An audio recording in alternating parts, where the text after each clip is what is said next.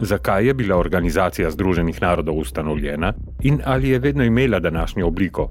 OZN je bila od nastanka leta 1945 večkrat reformirana in prilagojena spreminjajočim se potrebam in pričakovanjem mednarodnega sistema. Poslušate program Boljša zakonodaja in v današnjem prispevku bomo govorili o reformi Organizacije Združenih narodov.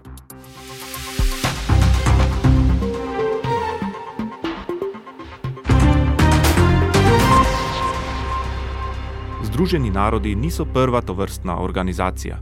Prva svetovna medvladna organizacija, katere glavna naloga je bila ohranjanje svetovnega miru, je bilo pravzaprav Društvo narodov. Ustanovljeno je bilo leta 1920 po Pariški mirovni konferenci, s katero se je končala Prva svetovna vojna.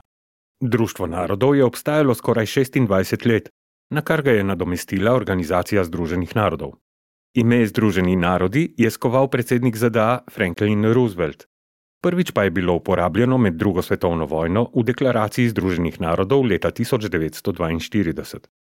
V deklaraciji so se predstavniki 26 držav zavezali, da se bodo njihove vlade še naprej borile skupaj proti silam osi. Leta 1945 so se v San Franciscu zbrali predsedniki 50 držav, da bi skupaj pripravili ustanovno listino Združenih narodov.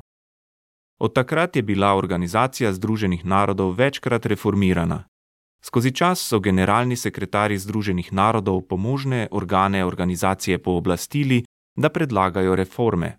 Na ta način je bila obravnavana vrsta vprašanj, kot so preoblikovanje trajnega članstva v varnostnem svetu OZN ali povečanje transparentnosti in odgovornosti. Septembra 2017 se je 120 držav zavezalo reformam, ki jih je predlagal aktualni generalni sekretar OZN Antonijo Gutierrez. Reforma Združenih narodov bo temeljila na treh glavnih področjih in sicer razvoj, upravljanje ter mir in varnost. Najprej naj bi z reformo razvoja korenito spremenili razvojni sistem OZN, da bi dosegli cilje agende za trajnostni razvoj do leta 2030. Osredotočena bo na oblikovanje nove generacije državnih skupin, s čimer bi dosegli večjo transparentnost in odgovornost.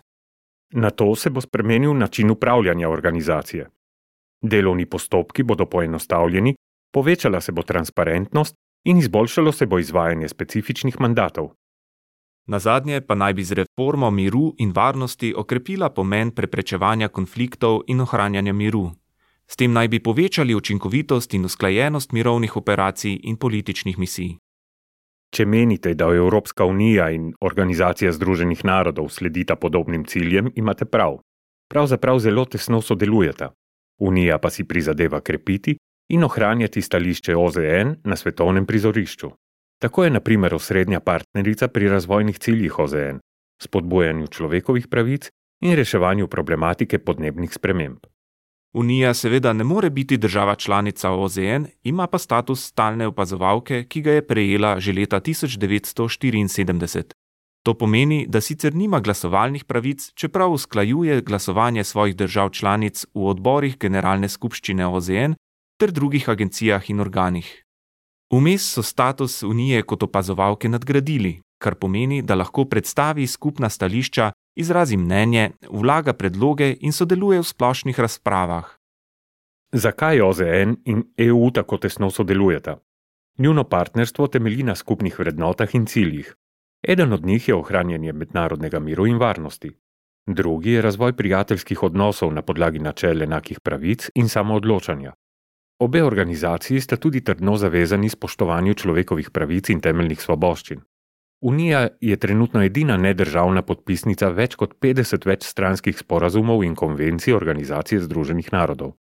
V prihodnosti boste organizaciji sodelovali pri številnih vprašanjih.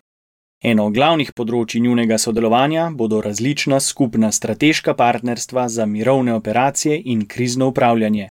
Med drugim nameravata vzpostaviti skupno platformo za ženske, mir in varnost.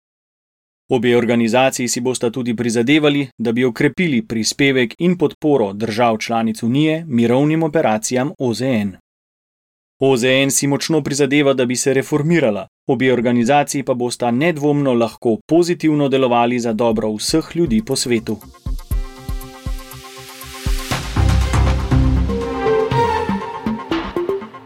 To je bil prispevek Evropskega parlamenta. Več informacij je na voljo na našem spletnem mestu Think Tank.